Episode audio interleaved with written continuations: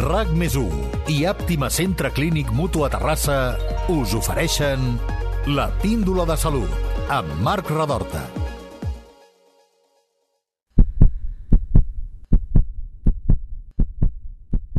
Pain without love, pain. I can't get enough pain.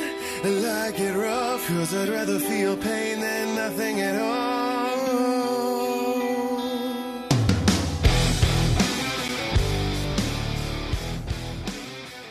Fas un moviment sobtat o aixeques un pes i de cop i volta sents una fiblada a la part baixa de l'esquena.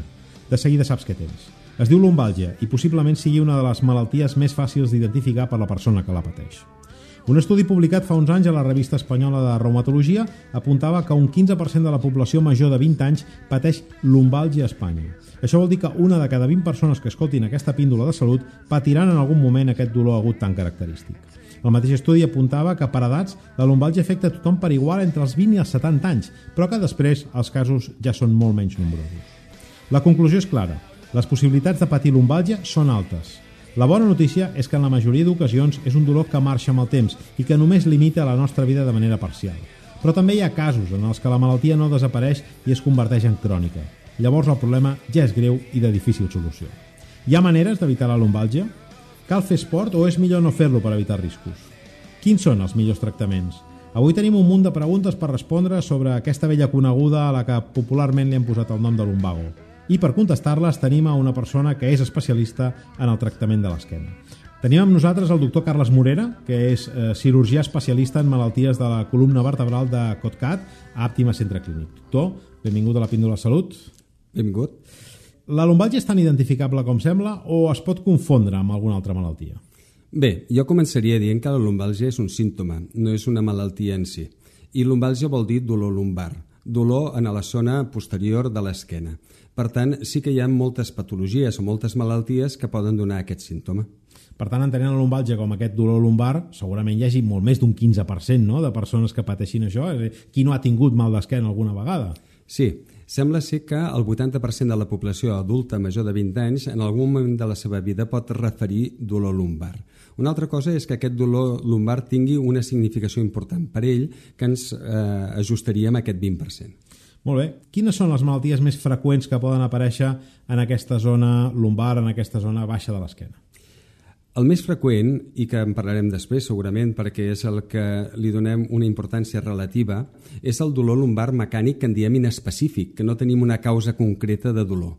Però després hi ha altres causes més específiques, no? com podria ser, per exemple, un còlic nefrític, no? una persona que tingui una pedra en el ronyó, una persona que tingui un herpes en la zona de l'esquena també li pot donar una simptomatologia d'aquestes característiques, una persona que tingui una llaga en l'estómac també pot donar simptomatologia en la regió lumbar i altres eh, i afectacions, per descomptat, dels nervis que passen per aquesta zona.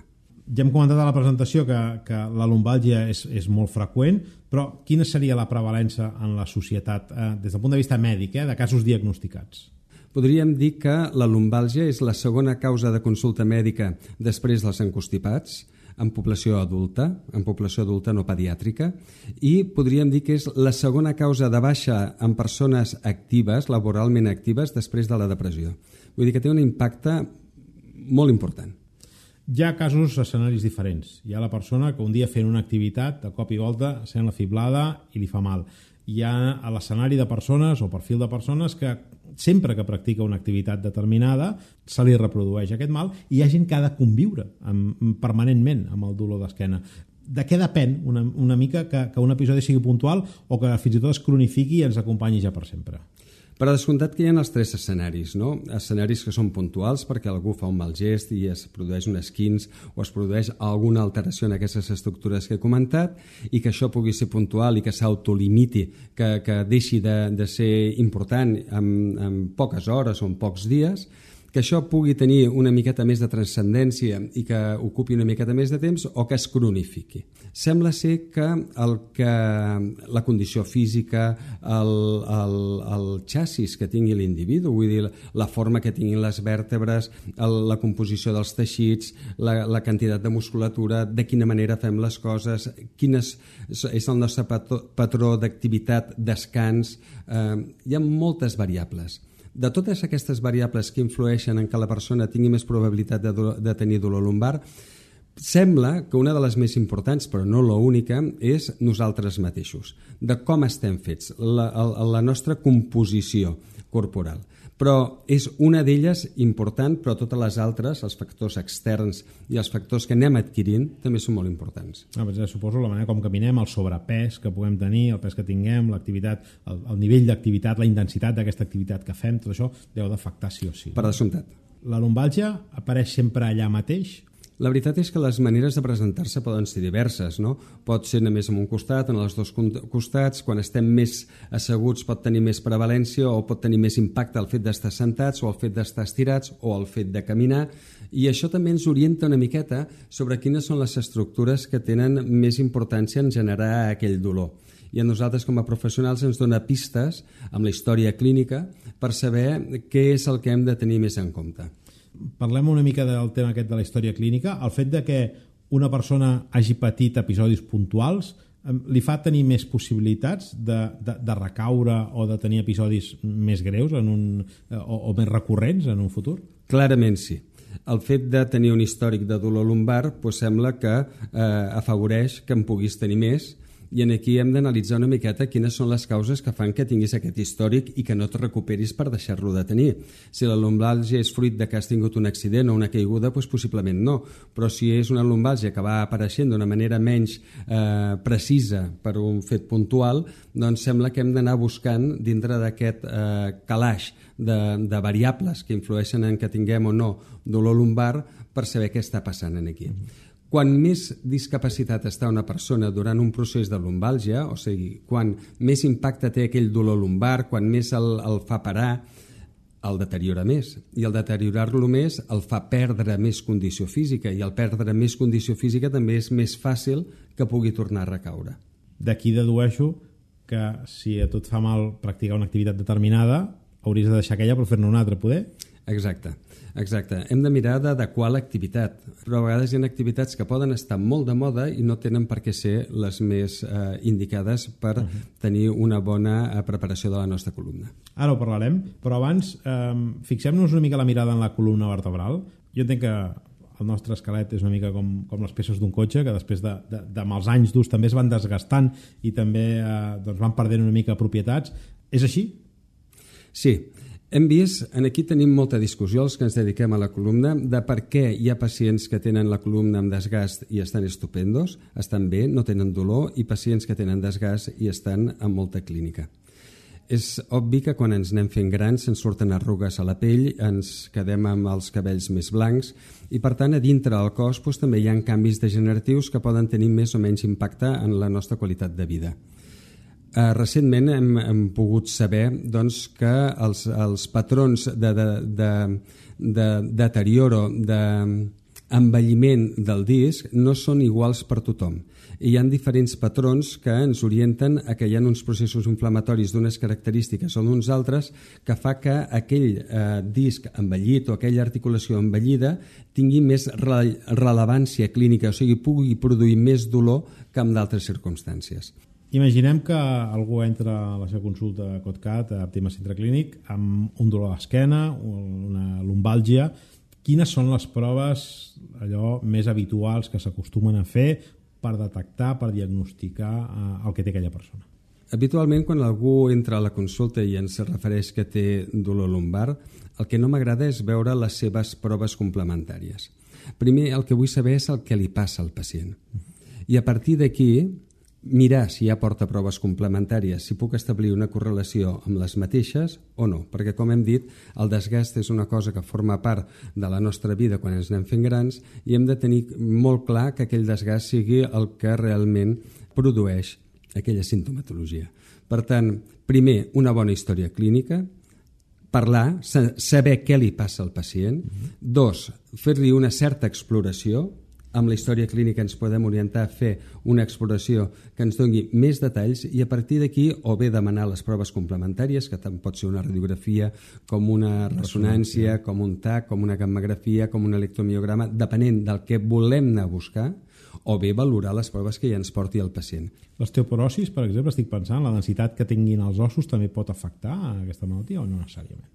Eh, Com podem prevenir els episodis de lumbàlgia? Perquè és una malaltia que habitualment no avisa. És a dir, quan t'hi trobes, t'hi trobes. Mira, és dit que quan vols modificar alguna cosa has d'intentar evitar les coses que no depenen de tu i preocupar-te de les que sí que depenen de tu. Per tant, pensar que com que estàs fet així ja no hi ha res a fer i que seràs víctima del teu dolor lumbar, doncs jo entenc que no. Hem de canviar les altres variables que sí que eh, són importants. Per tant, com a bàsic, eh, millorar les normes d'higiene postural, les postures que tenim durant el dia. Millorar el això, nostre... Això, què vol dir això? Expliqueu una mica, perquè entenc que caminem malament, ens assentem malament, dormim malament... Des de que sortim del llit, de quina manera ens aixequem del llit, si ho podem fer d'una manera que no forcem la columna lumbar, per tant girant-nos, traient els, els, les cames del llit i després fent aquells 90 graus per quedar-nos asseguts en el borde del llit, de com caminem, mirar que la postura, com ens assentem, amb quina relació estem amb les coses que tenim a davant, doncs amb l'ordinador, amb el portàtil, amb el X, amb el que sigui, no? en la nostra feina habitual. Les postures no deformen, però fan mal. I això també ho dic pels nens, perquè moltes vegades el reiem de que estan molt malament i que si això els hi torçarà l'esquena o els hi farà que tinguin gepa, és difícil per mala postura, però acaba fent mal. Ho bé, a Exacte. l'hora de dinar, eh? que se senten Per tant- amb el cul a la punta de la cadira o amb les cames creuades... O s'estiren a sobre del full sí, mentre sí. estan fent la redacció. Llavors, tenir bones postures, tenir un bon pes corporal, perquè el sobrepès pues, no deixa de ser sobrepès. Jo sempre dic a la gent, escolti, vagi i compris una garrafa de 5 litres d'aigua i passegi tota la vida amb ella. Vull dir, el dia que deixa la garrafa aquesta a casa i va sense, notarà una diferència. Mm. Estem parlant de 5 quilos o de 3 quilos, no d'una barbaritat. Estem parlant de coses que poden tenir impacte. Tenir una musculatura que sigui suficient. Això és molt important tant eh, quan som joves, quan som adults i quan som adults grans o quan som grans. Hem de tenir la musculatura que sigui apropiada i hem de saber que a partir dels 40 anys la musculatura es va depreciant. Per tant, hem de ser curo- curosos a l'hora de tenir una musculatura que també sigui apropiada. No volem que tothom sigui esportista. Volem que la gent tingui una musculatura adequada. Uh -huh. És millor fer esport o no fer-lo per evitar riscos? És a dir, hi ha esports més recomanables que d'altres? Qui, qui, quina seria la, el grau d'activitat física que ens permetria estar bé físicament i no posar en risc la possibilitat de tenir una lumbàlgia? La OMS recomana entre 2 hores i mitja i 4 hores d'exercici físic a la setmana a totes les edats i això va, variarà la intensitat, la freqüència, etc. La, els requeriments que nosaltres li vulguem donar a aquesta activitat. Fer exercici físic, convé fer-lo. No ens hem de tornar vigorèxics, no ens hem de passar fent esports, perquè la, quan ens passem doncs tot també passa factura i té els seus riscos. Però fer activitat l'hem de fer. I, òbviament, hem de fer una activitat que sigui la que ens, eh, ens eh, fa que la repetim, que ens quedin ganes de tornar-la a practicar, que ens se senti bé, que ens agradi. La natació és una bona activitat, però no és l'activitat per la columna. Vull dir, hem de tenir... Eh, No, no és, no és bona per la columna? La no, no, natació? dic que és una activitat Ja, que pot sí. ser bona, però no és l'activitat. Hi ha més activitats que es poden fer. perfecte. I per tant, si no fem natació, que em sembla estupendo, que la gent practiqui natació, però hem de tenir una piscina al costat, hem de tenir disponibilitat per anar-hi, hem de tenir el temps per podem anar a caminar, caminar de pressa és una molt bona activitat. Fer activitats eh, hi ha molt, molt diverses. Vull dir que fer coses que ens agradin, que ens omplin, que ens facin, que no ens facin mal, òbviament, una activitat que no ens estiguem fent mal, perquè si repetim una cosa que ens molesta moltes vegades, doncs al final ja acaba sent preocupant. Uh -huh. um, quin és el tractament habitual que fan quan, quan detecten un cas um, de, de lumbàlgia? Quins són els tractaments més habituals? Descartant una sèrie del que nosaltres diem eh, alertes o, o red flags o banderes vermelles, que són una sèrie de símptomes i signes que ens fan pensar en coses preocupants de la columna, i si estem dintre d'una lumbalgia inespecífica, doncs el que es recomana doncs, és rebaixar una miqueta l'activitat o fer un report relatiu, prendre algun analgèsic o algun antiinflamatori de primera elecció, aplicar-se calor, si no hi ha hagut un traumatisme, doncs aplicar-se calor a la musculatura i donar-li doncs, una miqueta de temps, no? dos o tres dies a que passi eh, això. Si això persisteix, ja, ja és preocupant, doncs consultar un especialista. Perquè eh, en aquests casos que sí que són una mica més greus o preocupants, es pot arribar fins i tot a requerir la intervenció quirúrgica? Dintre de la lumbàlgia específica mm. ja no parlem de tumors, infeccions, ja no parlem d'altres sí. coses o d'alteracions viscerals. Doncs sí, per descomptat que la cirurgia és una eina que fem servir quan és necessària que a vegades, quan és necessari, no és que sigui l'últim recurs. A vegades és el primer recurs si entremig no hi ha altres recursos, no? però sí que és una eina que s'ha de saber molt bé on, on s'ha de fer la cirurgia. No, la columna es deteriora i llavors per, per eh, lumbàlgia específica hem de tenir molt clar quin és l'objectiu que anem a buscar amb una possible cirurgia. No? Però sí que és un recurs que es fa servir, per descomptat. Uh, hi ha maneres de regenerar la columna o els discs es desgasten? Uh, he llegit per algun lloc que hi ha tractaments com molt innovadors uh, de regeneració. Com, com, com està aquest tema?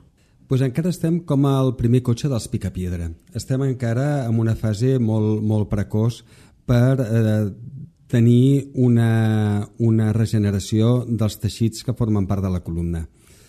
Mm, a nivell discal, i jo personalment hi, he estat, hi estic força implicat, eh, estem treballant molt amb cèl·lules mare, però perquè tinguin sentit haurien de ser cèl·lules mare cultivades i és un procés molt sofisticat i amb un rendiment regular, amb un rendiment regular. Jo sempre dic que la cèl·lula mare en el cas del disc és com portar un astronauta a Marte, que el podem portar però que ens costa que hi sobrevisqui en aquell entorn. No? I un disc deteriorat és un mal entorn per a una cèl·lula, per, per al pH, per la capacitat de portar nutrients a aquella cèl·lula, etc estem treballant, jo crec que és el futur.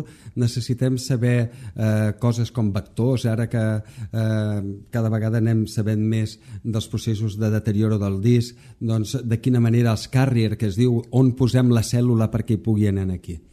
Però hem d'anar una miqueta en compte, no tot el que és una cèl·lula és una cèl·lula mare i, i encara ens falta una miqueta per, per poder ser consistents en dir que tenim una bona eina de, de regeneració discal. Uh -huh. Estava pensant en, en, en la possible recuperació d'una lumbàlgia que s'hagi diagnosticat. Uh, exercicis de l'estil uh, tai chi, pilates, yoga, que estan tan de moda, poden, poden ajudar? Jo recomano dos tipus d'exercicis quan ens recuperem d'una lumbàlgia. Els que en dic lineals, uh -huh. i que pot ser anar a caminar de pressa, sí. fer elíptica, fer bicicleta o bicicleta estàtica... Exercicis aeròbics, no? Exacte, de que ens movem, fer marxa nòrdica Natació no el posaria en aquest primer sí? eh, pot, en aquesta primera part, perquè ja requereix de més coordinacions i a vegades eh, fem eh, moviments amb l'esquena que ens poden generar dolor, sinó que jo esperaria que estés el, la persona una miqueta més recuperada.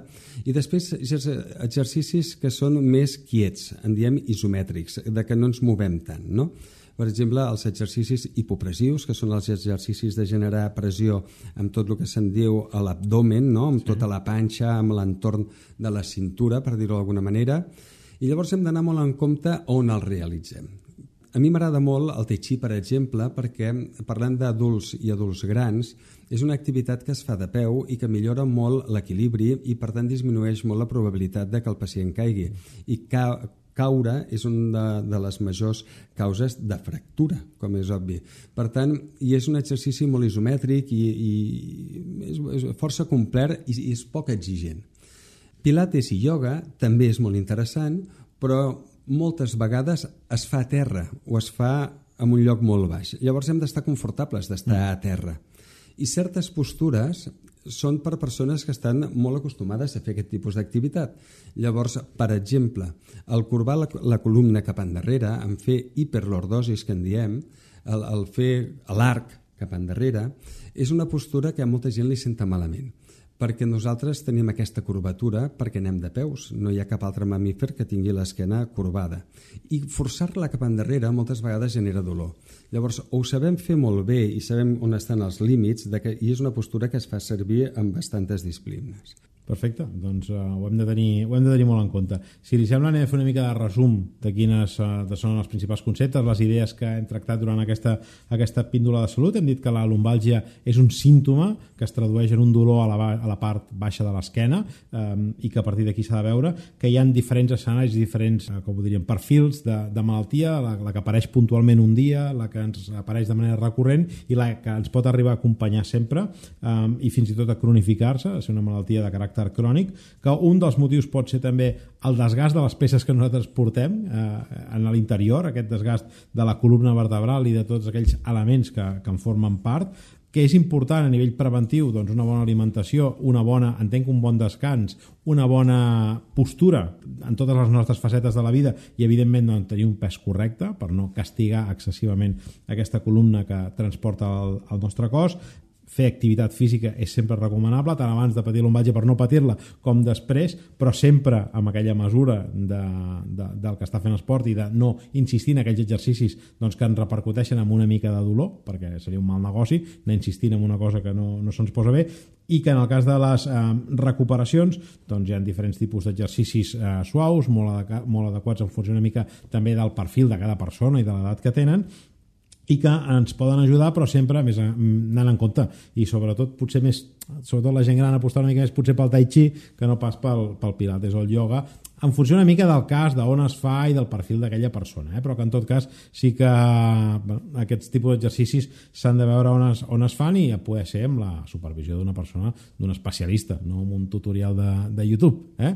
Doncs una mica entenc que seria això, Sí. No sé si ens deixem alguna cosa més. Òbviament, anar, anar ben assistit és una cosa que és, que és important hi ha molts professionals de la, de la fisioteràpia i de la, del recondicionament de personal, no? de físic, que tenen un paper molt important a l'hora de, de tractar i de prevenir aquesta patologia. Molt bé. Doctor uh, Morera, gràcies per assistir amb nosaltres a la píndola de salut i l'esperem un altre dia. Moltes gràcies a vosaltres. RAC més 1 i Àptima Centre Clínic Mutu a Terrassa us han ofert la píndola de salut amb Marc Radorta.